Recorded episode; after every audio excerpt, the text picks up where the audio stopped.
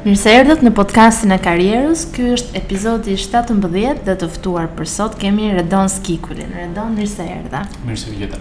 Redoni është konsulent për komunikimin në internet dhe faktikisht prej disa muajsh na ndihmon për mirëmbajtjen e disa websajtesh dhe mbi të gjitha për uh, editimin e këtij podcasti.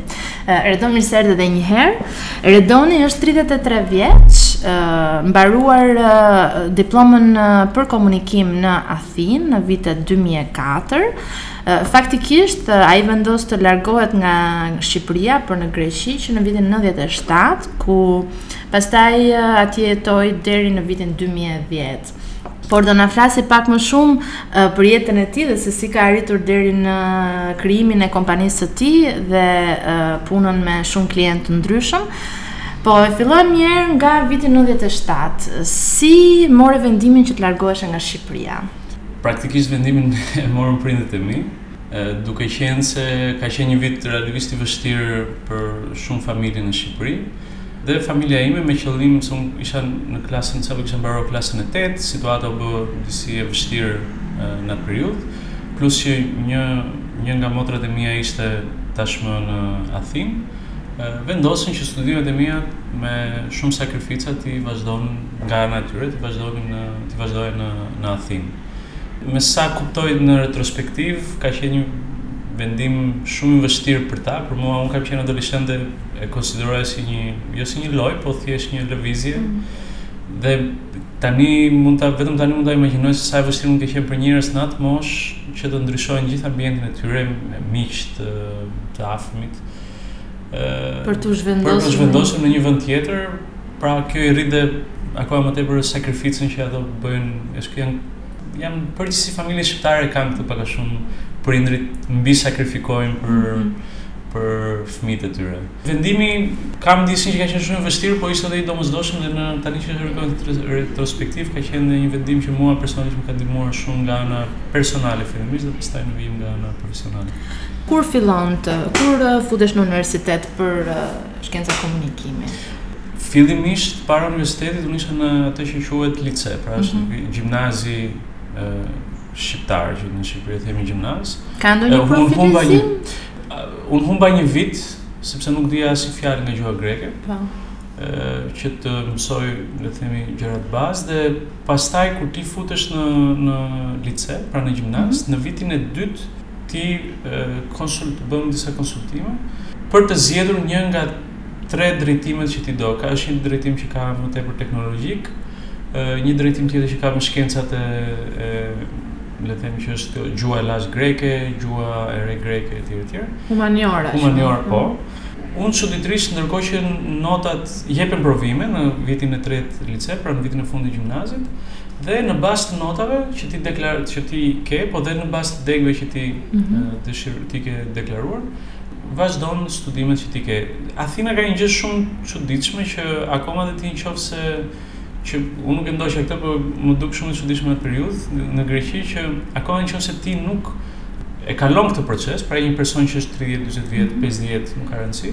Mund të studiosh. Mund të studiosh në universitet e vetmja gjë është që ti nuk merr diplomë nga universiteti, Pavarësisht se jep mund të japësh provimet e saj dhe ka njerëz që e bëjnë këtë gjë. Pra është mm -hmm. një mhm. gjë shumë interesante, nuk e di a ndodh në Shqipëri.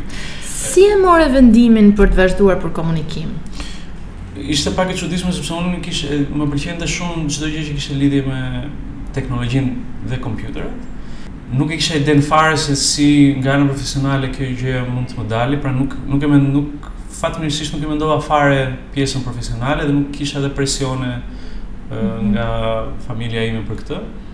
Por ishte një gjë e çuditshme që kur kur unë dhashë provimet, notat më të mëdha i kisha tek degët që kanë lidhje me hartimin, me gjuhën mm -hmm. dhe notat që ishin e, më poshtë ishin notat që kishin lidhje me degët e që kishin lidhje me teknologjinë. Mm -hmm. Që do thotë konsultimi që unë kisha bërë me mësuesit nuk ishte aq i, i mirë mm -hmm. në atë mhm. periudhë. Dhe shkencat e komunikimit ishin një gjë shumë e mirë për mua, po më mungonte diçka. Pra, pavarësisht unë e zgjodha, më mungonte diçka që e zgjodha pastaj me temën e diplomës, mm -hmm. ku zgjodha që të në konsultim dhe me një profesor në atë periudhë, zgjodha që të bëj Temën e diplomës që ka lidhje me komunikimin në internet. Dhe pavarësisht në atë periudhë kishte shumë ë ishte një gjë sapo kishte filluar interneti, ishte në rritje por nuk ishte masiv. Flasim për 2000, domethënë sapo kishte plasur flluska e po, internetit. Po, bile edhe në fillim të viteve 2000, pra para vitit të fundit të universitetit, unë nuk e kisha akoma e dija që kisha më shumë pasion dhe ishte një gjë shumë e çuditshme që rritej pasioni gradualisht. Mbaj mend që para vitit 2000 Unë nuk kisha as kompjuter, domethënë kisha një kompjuter nga këto të vjet të mhm. vjetrit me disketë, të cilin e kisha gjetur në një qendër riciklimesh. Pra, ngaqë bëja shumë xhiro me biçikletë, e kisha dhe nuk e kisha idenë fare, kisha gjetur dhe një libër dhe thjesht shtypja butona dhe ndryshonte diçka në atë kompjuterin. Mhm. me gërmat e zeza dhe të bardha. Po. Në vitin 2001, pas një pune verore që bëja dhe me kontribute nga familja, bleva kompjuterin tim të parë, që ishte goxha, le të themi, shtrenjtë për periudhën, dhe aty kuptova që kjo gjë është wow. Mm -hmm. Dhe ajo ishte një ndryshim total, thash, nuk e di çfarë është kjo, po unë dua të merrem me këtë gjë. Mm -hmm. So, nëqoftëse mund të kombinoj punën me këtë pasionin tim për kompjuterin, Do ishte fantastike, ideale. Dhe e mbaj mend si tani që kam shkuar ke një mik shumë shumë i mirë i imi që e kam akoma tani ai është në është nga Greqia është në Moskë udhton shumë dhe i thash e, mos i thuaj njeriu po mund të tregosh se si bëhet kjo copy paste dhe ai fatmirësisht nuk më tregoi dhe mbaj mend që ka qenë Alta Vista në 99 ka qenë Bile dhe për një periudhë shumë të madhe tek laboratorët e shkollës e universitetit kemi pas Alta Vista jo Google. E vërtet. Kështu që flasim për këtë periudhë dhe mua më mungonte ndërkohë që më komunikimi më pëlqente, më mungonte kjo pjesa e kombinimit me teknologjinë, pra mm. komunikimi dhe teknologjinë. Se këtë doja të të pyesja pak, meqenëse the që më mungonte diçka, për ata që nuk e din, ndoshta janë të interesuar të vazhdojnë për komunikim. Si do e përshkruaje këtë 3-4 vjeçarin e, e, e diplomës komunikimit? Gjatë 3-4 vjeçarit në, në, në studime, gjatë studimeve, edhe gjatë periudhës së liceut, për po më shumë në universitet, unë që të jem i sinqertë nuk e di nëse isha shumë i kom... dija që më pëlqenin gjëra, e kisha mhm. e, e isha shumë i sigurt për gjëra që më pëlqenin, mm -hmm. po këto gjëra që më pëlqenin ishin shumë. dhe isha shumë i apasionuar dhe ajo që bëja ishte që nuk kam mbaj mend që nuk kam lënë asnjë aktivitet që ka lidhje me temën që unë studioja ose me gjëra që kisha qejf pa shkuar. Mm -hmm. Duke filluar nga e, një panair me punët e një universiteti të, të, të Politeknikut në Athinë, nëse mbaj mend, nëse mbaj mend mirë, që ata kishin krijuar robotë, Mhm. Pra kishin punë mhm. gjashtë mujore, kishin krijuar robotë dhe ishte një ekspozitë shumë e madhe me ta, që ishte mua më entuziazmoi, por nuk, nuk është se më interesonte shumë, deri tek gjëra që kishin lidhje me artin e rrugës, street art, e tjera e tjera. Pra si komplementuese për shkollën, ndiqje dhe këto... Ndiqja çfarëdolloj aktiviteti mm -hmm. që mhm. kishin lidhje me gjëra që, domethënë, muzikë me me me teknologji me gjëra që mund të lidheshin me me marketing shumë bile i kam mbajtur akoma ato biletat që nga nga aktivitetet që shkoja kështu që shkoja në çdo vend pra ndiqja çfarë lloj aktiviteti që kishte lidhje me me përafërsisht ose pak me atë gjë që unë studioja dhe kisha qejf Po lexoja para pak ditësh një studim uh, i cili i cili thoshte që kur je punëdhënës, studimi tregonte punëdhënësit vetë vlerësonin shumë më shumë individë të cilët a, paralel me punën që bëjnë ose shkollën që bëjnë kanë edhe hobit e tyre të konsoliduara mirë, domethënë që dinë çfarë duan edhe përveç personit profesional që mund të jenë në punë, kanë edhe një kanë edhe pasione të tjera që i ushqejnë. Vetëm se unë isha në atë periudhë isha shumë i konfuzuar, pra unë nuk nuk i kisha konsoliduar hobi dhe një nga arsyet pse shkoja në në gjithë këto aktivitete ishte që doja të të ngacmoja veten dhe të kuptoja se çfarë ishte ajo që që më pëlqente në të vërtetë. Dhe është një proces shumë i vështirë, pra mm. pas pas pas adoleshencës, mm.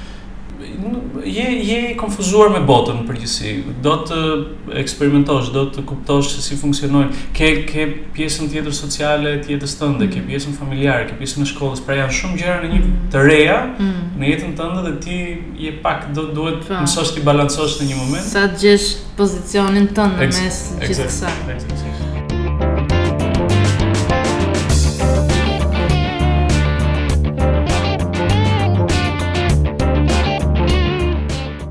Kur ti mbaron dhe diplomohesh në vitin 2004, fillon uh, rrugëtimin tënd profesional duke punuar si project manager për një kompani e cila merrej me online advertising ose në shqip me reklama në internet. Këtë gjë e bën për disa vite, për rreth 6 vjet, punon për dy kompani të ndryshme, po në të njëjtin pozicion në Greqi, deri në 2010 kur vendos të kthehesh në Shqipëri. Më flet pak për këtë vendim. Dua të ndaj pak pjesën se si fillova të punoj dhe mhm. pastaj mhm. Dua ta ndaj sepse ka lidhje edhe me kthimin në vijim. Në momentin që unë isha në në universitet, kishim një një kurs që ishte nga këto kurset që janë tremujore që nuk kanë lidhje me degën që ti studion, po dhe kanë. Mm -hmm. Që kishte lidhje me presentation skills. Mm -hmm. Dhe mhm. e, ne kishim të ftuar disa persona nga agjenci që merren me reklama, mm -hmm. shumë të mëdha dhe universiteti që unë studioja, le të themi agjenci reklamore që një nga punët që ti të drejtpërdrejta që ti do bëje, që synoja jo vetëm unë, por çdo person që ishte atje. Dhe, kjo ishte target, kjo, ja? Kjo, në përgjithësi kjo ishte pak a shumë, sigurisht, ose, ose kompani të mëdha e ndërkombëtare që kanë departamentin e tyre të marketingut. Dhe mbaj mend që kishim prezantimin e fundit, pasi mbaruam gjithë kursin, kishim ë një temë të lirë. Pra secili nga ne mund të merrte një temë, çfarëdo me një fjalë, duhet të zgjidhej vetëm një fjalë dhe ta prezantojë atë temën. Mm -hmm. Unë isha tmerrësisht vonë, mm -hmm. ngaqë siç thashë kisha shkuar ishim Mund të isha student, por kisha një ditë shumë aktive. Dhe kur je student dhe pak dalon një miks i çuditshëm i tipit përtesës dhe është një përtesë shumë e çuditshme. Dhe e lashë për minutën e fundit, pak dhe karakteri ballkanas. Dhe mbaj mend që në zgjohem, flas me një mikun tim dhe, dhe i them që hey, nuk nuk kam nuk mendoj asgjë për nesër, nuk e di çfarë do ndodhë, është kjo gjëja shumë e rëndësishme, bla bla bla, na kapi ankthi, mm -hmm. e mbyllëm telefonin. Në një moment mendoj që okay, duhet të prezantoj diçka rreth asgjës. Se tema ime ishte asgjëja. E bëj prezantimin tim dhe filloj nga nga nga filozofia deri te gjëra, kishim 15 minuta për prezantim. Që të mos e zgjas, personi që ishte në audiencë dhe ishte ai që vlerësonte prezantimet që ishte nga një agjenci reklamore, u impresionua nga kjo gjë dhe ditën e hënë unë shkova dhe bëra intervistë pune. Mm, ti ndërkohë ishe akoma isha në studi... gjatë studimeve gjas... kjo gjë. Ja, ishte nga fundi. 6 muaj para fundit të studimeve. Dhe ishte relativisht, më dukej relativisht e lehtë si proces, ndërkohë që nuk nuk duhet të ishte, duhet të jetë, duhet ti duhet të kesh procesin e intervistave të lodhesh. Dhe Ndërkohë që kaluan vitet, unë fillova të mendoj që Më fal, ti e more punën te ky. Po, po, po. Ah, okay, e mora punën pas intervistës tonë. Po, po, po. Ishte... Ai të peshkoi. Me sa duket po.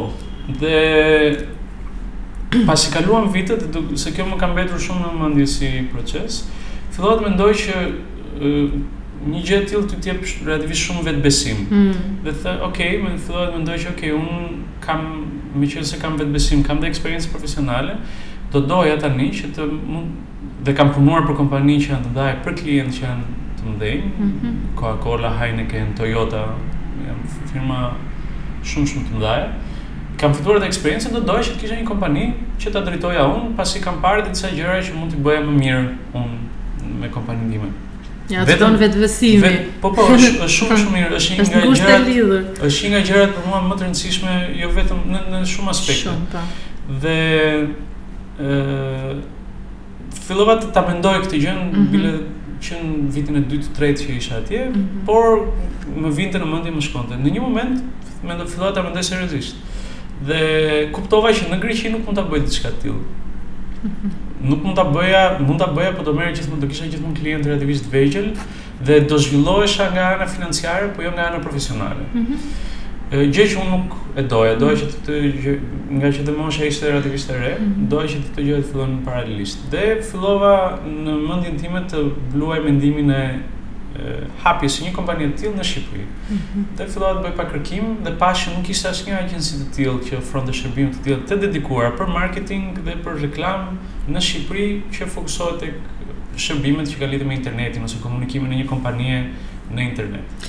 Si e gjete tregun në Shqipëri në këtë fushë? Pak më të rrëmujshëm në sensin ti e the nuk ishte nish, nuk ishte e profilizuar. Ky profili yt i tillë nuk ishte Po, unë domethënë bëra një e mora pak vendimin gjeta edhe një partner tjetër në mhm. Shqipëri mm -hmm. me idenë që domethënë duhet edhe një person, sigurisht një partner i cili e di tregun shumë mirë, sigurisht dhe duhet edhe eksperienca ime nga një treg tjetër që është më i konsoliduar. Dhe ë kjo gjë ky proces i lehtësoi shumë mm -hmm. punën për mua derisa u konsolidua bashkëpunimi në atë periudhë. Se jam kurioze, flasim këtu, këtu jemi në vitet 2009-2010 kur flasim dhe pra kur ti more vendimin të ktheheshe. Në, nuk e di si e gjete kur flas, them tregu i punës këtu për sa i përket aksesit që kanë njerëzit në internet dhe kompanitë vet, sa e përdorin internetin si mjet komunikimi. Mm. Tjetër mund të ishte në Athinë. Nuk e di si e përjetove në Shqipëri këtë gjë. Ë në Shqipëri kishte një problem të madh, kishte dy probleme madhore kur kur unë vendosa që domethënë nuk do mm. nuk do rri më në Athinë dhe do vi në Shqipëri dhe kam vendosur do kisha vendosur emrin e kompanisë etj. Ë dy probleme kryesore. Problemi i parë ishte që nuk ka të dhëna. Pra ti duhet të je në një tunel i cili nuk ka asnjë lloj drite dhe duhet të të peshkosh jo në tunel, je natën dhe duhet të peshkosh pa asnjë lloj mm -hmm. nuk e di a ka peshk aty apo nuk ka. Dhe është një proces proces shumë i vështirë, pra duhet të kesh një ndjesi ose nuhati shumë të mhm. të nga ana e biznesit shumë të madhe. Ose duhet të jesh shumë i guximshëm, gjë që nuk është po ta mendosh, nuk është shumë e mirë që ta bësh, por është e vetmja rrugë.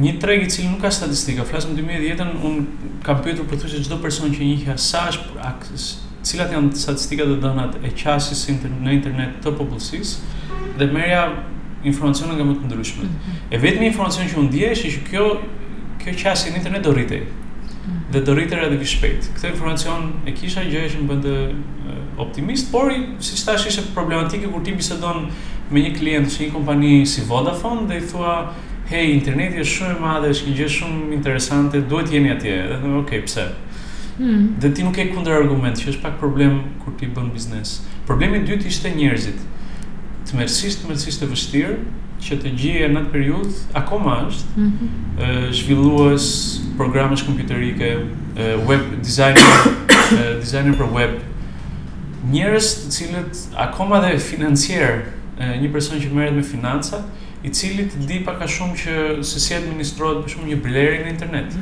Asnjëri nuk e dinte se cilin kuadër ligjor futej procesi mhm. i blerjes, justifikoheshin të ardhurat, po po them për një shembull po. shumë të thjeshtë. Po, po. Pra justifikohesh, justifikohen të ardhurat e kompanisë kur ti blen me kartë krediti?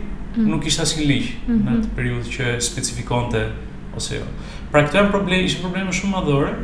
Nga njëra anë këto probleme madhore janë, po nga ana tjetër duket sikur ti je në front të parë, pra mes atyre të parëve që po po mundoheni të ecni akoma më shumë përpara, për shembull siç janë blerjet online, diçka që është pak a shumë e re për Shqipëri, po. jo jo shumë veta e praktikojnë. Po, domethënë pra ti ke një avantazh. Mm. Por është avantazh i cili duhet të administrohet me kujdes. Nga nga sepse ke edhe vështirësi kur je i pari ke edhe vështirësitë e të parit sepse ti hap rrugën mhm. dhe të tjerët do të ndjekin dhe sigurisht ti e ke hapur rrugën i pari dhe e di ku duhet të shkosh dhe ku nuk duhet të shkosh. Mhm. por i bën dhe më të lehtë të tjerët që të ndjekin në rrugën që ti sapo ke hapur. Por këto ishin dy problemet kryesore, mungesa e të dhënave dhe e, burimet njerëzore që është një një problem që vazhdon të jetë që qëndron akoma. Ë, po për sa i përket un un këto muaj dhe ndoshta vite tashmë që të njoh kam parë që je goxha i përfshirë edhe në komunitete, edhe me diçka që shpesh nuk shihet në Shqipëri për shembull njerëz që kanë tendencën shpesh të jenë pak më të mbyllur ose hapin atë biznesin e tyre dhe fokusohen aty ndërkohë që mënyra se si ti punon dhe operon është që je gjithmonë shumë i hapur dhe shumë bashkëpunues. Ë tashmë janë krijuar disa komunitete në Shqipëri që mbështesin teknologjinë dhe të dhënat e hapura etj. Ë nuk e di sa ka të bëjë kjo me punën tënde, pra paralel me atë çfarë ti bën për kompaninë tënde dhe gjithashtu i angazhuar në gjëra të tjera. Po. Në në momentin që ti operon në një ambient, qytet, shtet ose kontinent, varet se si sa e hapur është kompania jote dhe cilët janë klientët. Ky ambient ka shumë problematika. Hmm. Dhe disa problematika ti mund t'i t'i vazhdosh t'i administrosh në atë guackën tënde të vogël mm -hmm. ose të mos i administrosh duke shpresuar që disi do vetë rregullohet ambienti ose do do përmirësohet vetë. Ja lë je pasiv. Një je pasiv që është një gjë është një zgjidhje shumë e mirë nëse qëllimi që ti ke për profesionin tënd ose për për biznesin që ti bën janë afatshkurtra. Mm -hmm. Pra në një proces afatshkurtër është shumë e thjeshtë që ti të injorosh faktin që nuk kemi fare njerëz ose ka njerëz që janë shumë të mirë në atë gjë që bëjnë, po i mungon vetëbesimi. Mm -hmm. Një shembull. Ose ka shumë njerëz të tillë të cilët të, të mirë, të cilët janë të mirë në programim, por ti nuk e di se ku janë. Mm -hmm. Ose janë të mirë, por kur fillojnë bëjnë punën e tyre, i ikën gjithë entuziazmi, i ikën dëshira dhe i ikën nga vendi që të ikën. Problemat kur një person që është i mirë në programim ikën nga Shqipëria ose punon për një kompani nga jashtë, mua si Redon në biznesin që kam më influencon negativisht. Mm. Pra, kjo gjë nuk ka fatkeqësisht do ishte mirë të rregullohej vetë, por nuk rregullohet dot vetë. Dhe pa u organizuar. Pa u organizuar në një mënyrë ose tjetrën. Të bërit mirë në përgjithësi është e mirë edhe për biznesin tënd. Si është një ditë pune e Redonit sot? Është një kaos i organizuar. Mm -hmm. Kam shumë udhëtime faktikisht sepse fatmirësisht prezantoj më ftesën në disa konferenca ku prezantoj tematika që kanë lidhje më tepër me teknologjitë, jo me biznesin, por me anën le të themi e përdorimit të lirisë së kompjuterit, të, të teknologjive etj etj. Dhe kur ti udhëton ke një kohë e cila nuk është nuk ekziston për t'u marrë me klientët e tu dhe duhet nga larg që të të administrosh këtë kohë. Pra një përqindje e madhe e kohës kur çohem në mëngjes është që të shikoj se si është dita mm. në vijim dhe mundohem që të mos programoj vetëm një ditë, të programoj mm -hmm. për shembull takimet e mia të programoj për 3-4 ditë përpara ose idealisht një javë, mm -hmm. që të grupoj që dy ditë gjysma e javës në përgjithësi më shkon në për takime. Me takime. Ose dy ditë nga java, ndërsa 3 deri në 4 ditë të tjera vazhdojnë, procedojnë janë më tepër për punë para kompjuterit. Mm -hmm. Mundohem që fundjavat t'i lë bosh, që të çlodhesh. Që të, të jo vetëm të të çlodhem, po edhe të marr të lexoj gjëra që kanë lidhje me profesionin tim, gjëra mm -hmm. që janë jashtë profesionit tim, sepse edhe këto janë shumë të rëndësishme. Mm -hmm Janë të rëndësishme që edhe ti të jesh më i qetë kur je të përballosh javën për punën. Është një farë ekuilibri në fund. Po, është shumë shumë. E ky ekuilibër për mua, domethënë sa kalon koha, vazhdoj të kuptoj që është shumë shumë i rëndësishëm. Po. Dhe kur je edhe më i çlodhur në pas një fundjave ose je frymzuar ke shkuar diku mm -hmm. për ke bërë një ecje ose për, për punon më mirë. Punon je edhe më je edhe më produktiv. Ëh, e njëjta gjë vlen edhe për bashkëpunëtorët e mi, pra nëse mm. ata edhe ata janë të çlodhur. Pra dy ditë në javë mesatarisht i kaloj në takime, ndërsa pjesa tjetër kalon në në takime. Ka një në kompjuter.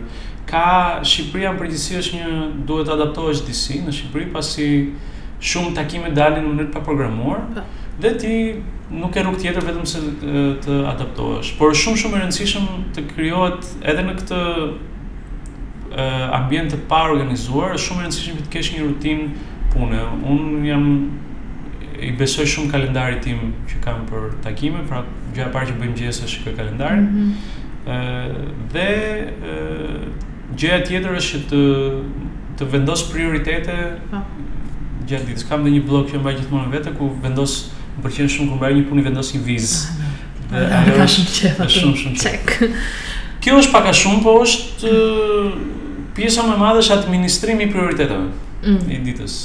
Unë kam edhe dy pyetje të fundit po. për ty, se po i afrohemi fundit. E para është si është perspektiva, edhe sidomos e parë nga sytë e tu dhe nga biznesi yt, 5 vite të ardhshme në komunikimin dixhital në Shqipëri. Mm -hmm. Dhe ti vetë si e shikon hapat e mëtejshëm si e shikon? Në qoftë se unë do isha tani 18 vjeç, mm -hmm. dhe mhm. do duhej është kjo faza e jetës tënde ku ti fillon dhe të mundohesh të kuptosh se çfarë të pëlqen, mm -hmm. duke evituar dhe influencat që ke, duke marrë dhe influencat që ke familja, miqtë etj etj. Universiteti, unë do do bëja do mësoja patjetër program një gjuhë programimi, jo detyrimisht që të bëhem programues, por që të kuptoj pak mentalitetin se si është.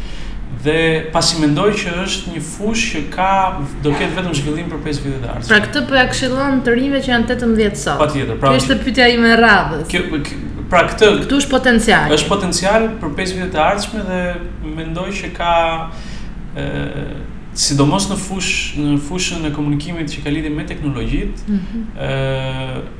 elementët e komunitetit krijimi i komuniteteve, zhvillimi i komuniteteve dhe të qenit pjesë e një komuniteti është një nga gjërat më të rëndësishme që një 18 vjeçar duhet të ketë në në këtë moment, sepse të ndihmojnë njerëzit e tjerë të ndihmojnë shumë që ti të zhvillohesh dhe nga ana profesionale dhe nga ana personale. Mund të përmendësh dy tre emra komunitetesh ndoshta po, Jo të gjithë ndoshta e dinë. Po, po, patjetër. Në qoftë se ju interesojnë për shembull ë kompanitë e reja në teknologji, siç janë kompanitë startups, ë ekziston Garazh, qendra Protik është Talent Garden që është një co-working space shumë interesant që është në qendër të Tiranës. Po t'i kërkoni në në makinat e motorat e kërkimit ë dalin lehtësisht. Open Labs që unë jam shumë aktiv që merret më tepër me me advokimin, le të themi promovimin e e programeve me burim të hapur open source mm -hmm. ose të dijes së hapur si Wikipedia, mm -hmm. Mozilla Mozilla Firefox mm -hmm. etj, privatësi në internet.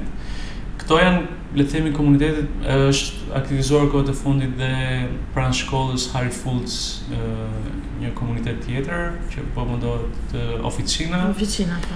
Këto janë pak a shumë, shpresoj mos harroj diçka, po në përgjithësi fatmirësisht në në Tiranë kohët e fundit ka shumë lëvizje në për sa i përket komuniteteve dhe mbështetjes së sipërmarrjes që dhe mbështetjes së sipërmarrjes. Pra nëse ju pëlqen teknologjia, si teknologji ka komunitete, nëse ju pëlqen teknologjia dhe sipërmarrja gjithashtu ka komunitete, gjë që unë do doja shumë kur u ktheva në 2010 të ekzistonin mm -hmm. dhe prandaj një pjesë shumë të madhe të kohës time e unë gjatë kësaj kohë angazhova për zhvillimin e një nga këto komuniteteve.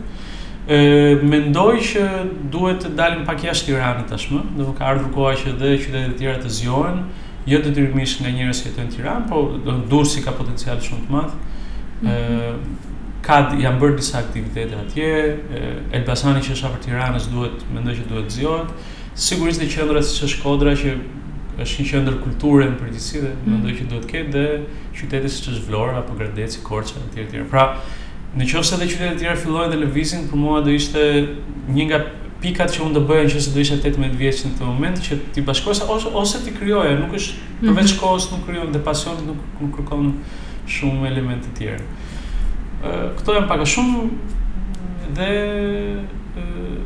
Uh mendoj që e ardhmja është shumë duket shumë interesante edhe në Shqipëri. Edhe unë ashtu mendoj. Redon, unë të falenderoj shumë uh, për gjithë ju që jeni kurioz të shikoni më shumë në detaj se çfarë me çfarë merret Redoni, vizitoni faqen e tij redon.skikuli.com